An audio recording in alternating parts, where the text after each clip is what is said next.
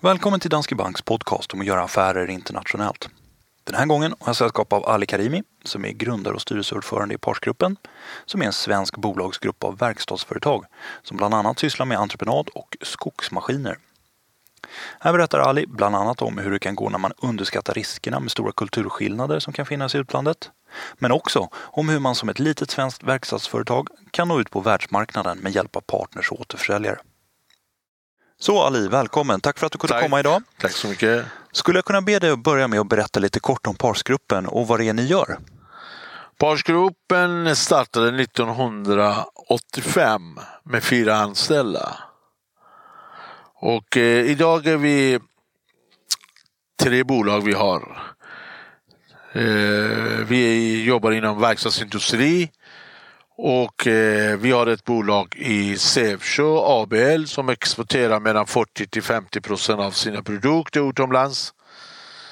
Och de gör redskap för entreprenörmaskiner. Sen har vi ett företag i Alfta, Hälsingland som jobbar eh, ganska hög med skogmaskiner. Sen har vi ett företag i Östergötland som tillverkar komplett sopmaskiner och legosidan på de ganska etablerade exportbolagen. Förutom de här som, som eh, legotillverkningen då, eh, de andra verksamheterna, vilka sorts kunder är det de har? Är det återförsäljare eller är det slutkonsumenter? Nej, vi på våra egna produkter det är eh, återförsäljare. Så vi jobbar inte direkt mot eh, slutanvändare. För att hitta de här återförsäljarna, hur, hur beslutar ni vilka marknader ni ska befinna er på med återförsäljarnätverk? När exempel en Volvo VCE som säljer entreprenörmaskiner, när de har ett större antal i en marknad och vi kommer automatiskt också i det. Eller Caterpillar har en större marknad i Ryssland. Det kommer ju automatiskt i det här med. Det beror på våra, eh, vad ska jag säga, att eh, de riktiga kunder som är eh, försäljare av maskinerna. Så om man är en, en, ett eh, verkstadsföretag som vill se den här möjligheten och ta rygg på en stor och global återförsäljare. Hur gör man för att komma in på en sån här jätte då om man är ett litet svenskt verkstadsföretag? Ja, det, vi har mässor som finns i Hannover, i Bahama och så vidare i München. Det är ändå det att man kunde ställa ut där borta och försöka vad ska jag säga, ha en seminarium och presentera sin kunskap, sina produkter. Det är så där vi gör ibland. Att, eh, vi bjuder exempel de största återförsäljarna på en middag och man presenterar sina produkter och vad är det för nya grejer och sådär. Det är enda sättet att komma åt dem. För att eh, du kan inte, vad ska jag säga, att, eh, eller vi är små företag har inte råd att vad ska jag säga, bjuda alla med flyg och sådär hit. Det är bättre man åker till dem. För att de ställer ut på sådana stora mässor och har en en timme, två timmar eh, representation med lite kall mat och lite, vad ska jag säga, att, eh, eh, nyheter inom produkter och sådär. Det är enda sättet att komma åt. Så mässor, det är ett varmt tips. Ja, det tycker jag. Absolut. I en verksamhet som eran då, eh, är det möjligt att ha ett globalt nätverk av återförsäljare utan att ha lokal närvaro med sälj, säljkontor eller säljstöd? Det har fungerat bra.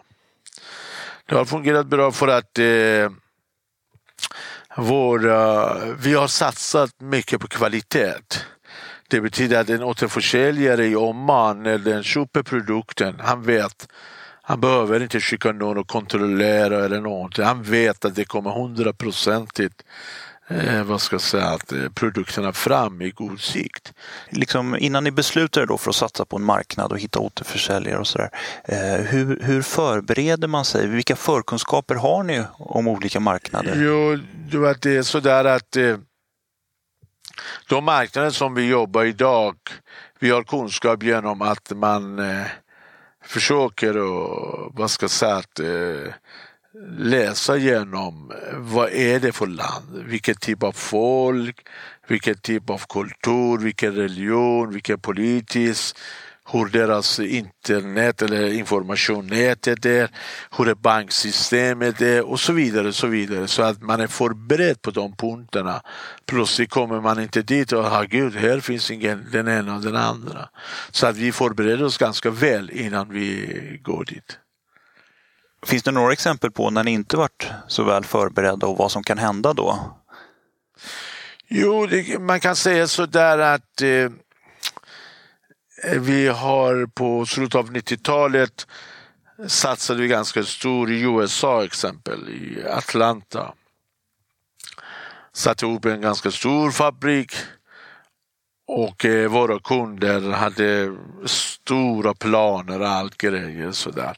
Men vi, misstaget som vi gjorde, vi hade, eh, vi hade inte analyserat otroligt mycket om marknaden sjunker. Vad gör vi? Hur fungerar den här totala vad ska jag säga, att, eh, strukturen som finns runt i USA?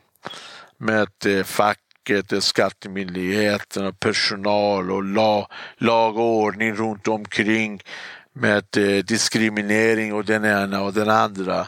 Och det är ganska stor misstag vi gjorde att vi hade inte analyserat otroligt mycket noggrant innan vi åkte dit. Och efteråt märkte jag att eh, man måste ha respekt oavsett om det är USA, om det är Österrike, om det är Estland eller Ryssland. Varje land har sitt specifika punkter. Så vad hände i USA där då? Jo, det, marknaden sjönk. Självklart, vi förlorade massa pengar och åkte hem. Ja, okay. Så enkelt är det. ja. Det det var ett stort äventyr. Lade ni ner fabriken då? eller? Helt och hållet. Finns det några andra svårigheter som du ser när det gäller att handla med utlandet som du önskar att du hade känt till tidigare? Ja, man säger sådär att om man har tillverkning i annat land man måste ha klart för sig att det inte är samma som i Sverige. Här har vi ordning och reda, vi har eh, lag, vi har regler, vi har fackföreningen, vi har bra banker, vi har bra myndigheter. Det fungerar allt. Men utlandet, det är många länder som man, man måste ha den här biten. Hur fungerar det här då? Hur ser det lag och ordning? Och samtidigt eh, de personer som sitter i ledningen där borta är ganska svårt att hitta den som har den här entreprenörskänsla. Eh, för exempel att kunna driva det här företaget som eh, tar ansvar. I Sverige tar vi ganska stor ansvar. Vi har mycket effektivare folk här eh, i Sverige som folk eh, verkligen bryr sig om, eh, vad ska jag säga, att eh, sina eh, ansvar som har på det arbete. Men de, den som vi gjorde misstaget att de har inte samma känsla. Det är helt annorlunda. Så hur gör man för att hitta de här personerna som känner ansvar, som Jo, är bra men det var det är sådär att eh, till, till sist var man tvungen att ta svensk folk som man känner i sina fabriker och flytta dit. Okej, och de kan jobba en, ett tag men sen blir de trötta, de har familjer och allt grejer och sådär. Så att eh, jag tror att det bästa är att man hittar någon partner där borta. För att kunna förenkla den biten. Att eh, den här totala entreprenöransvaret, den parten, ska vara med. Så att eh, det gör mycket enklare. Istället för att du börjar från noll eller krasch och sen starta med dina personal och anställa själv och sådär. Det är lite svårare för våra småföretagare. Stora bolag som globala som Volvo eller Ericsson, de har så många kontakter runt omkring och så vidare. Men det är inte alltid de lyckas heller. En, en annan sak som framkom i den här undersökningen som vi gjorde bland 800 nordiska företagsledare, det var svårigheterna med att få betalt i tid i utlandet. Vad är er erfarenhet här och hur har ni hanterat det? Ja, det är svårt. Det är sådär att eh, moralen i betalningen är inte så bra där borta. De betalar men det tar lång, lång tid. Och eh, det är någonting som är i deras kultur. Tänker du på Mellanöstern framförallt? Då, eller? Nej, i vad ska jag säga, Europa, Italien och sådär har vi också problem lite. USA, Brasilien har vi också problem ibland. Så att eh, det tar tid. Det, det var deras... Eh, eh, jag tror att det ligger någonting i, i deras kultur att 30 dagar eller 90 dagar som man har kommit överens, att man kan hoppa över 20. Man kan hoppa över 10. Så är det. Och den har inte förändrat. Den är samma bekymmer än. Och hur hanterar ni det? Är det något man accepterar då? Eller? Ja, hanteringen nu är det bara att skicka mail. Skicka mail eller stoppa leveransen. Men de, de tycker det är konstigt när vi gör sådär. Finns det några råd du önskar att du hade fått höra innan du beslöt att börja handla så mycket med utlandet? Det är sådär att eh, även om man eh, handlar med utlandet eller tillverkning det största rådet som är ganska viktigt är att eh, man ska inte tro att andra länder är som Sverige. Det är helt annorlunda. Varje individ, land, det har sitt respekt man måste ha.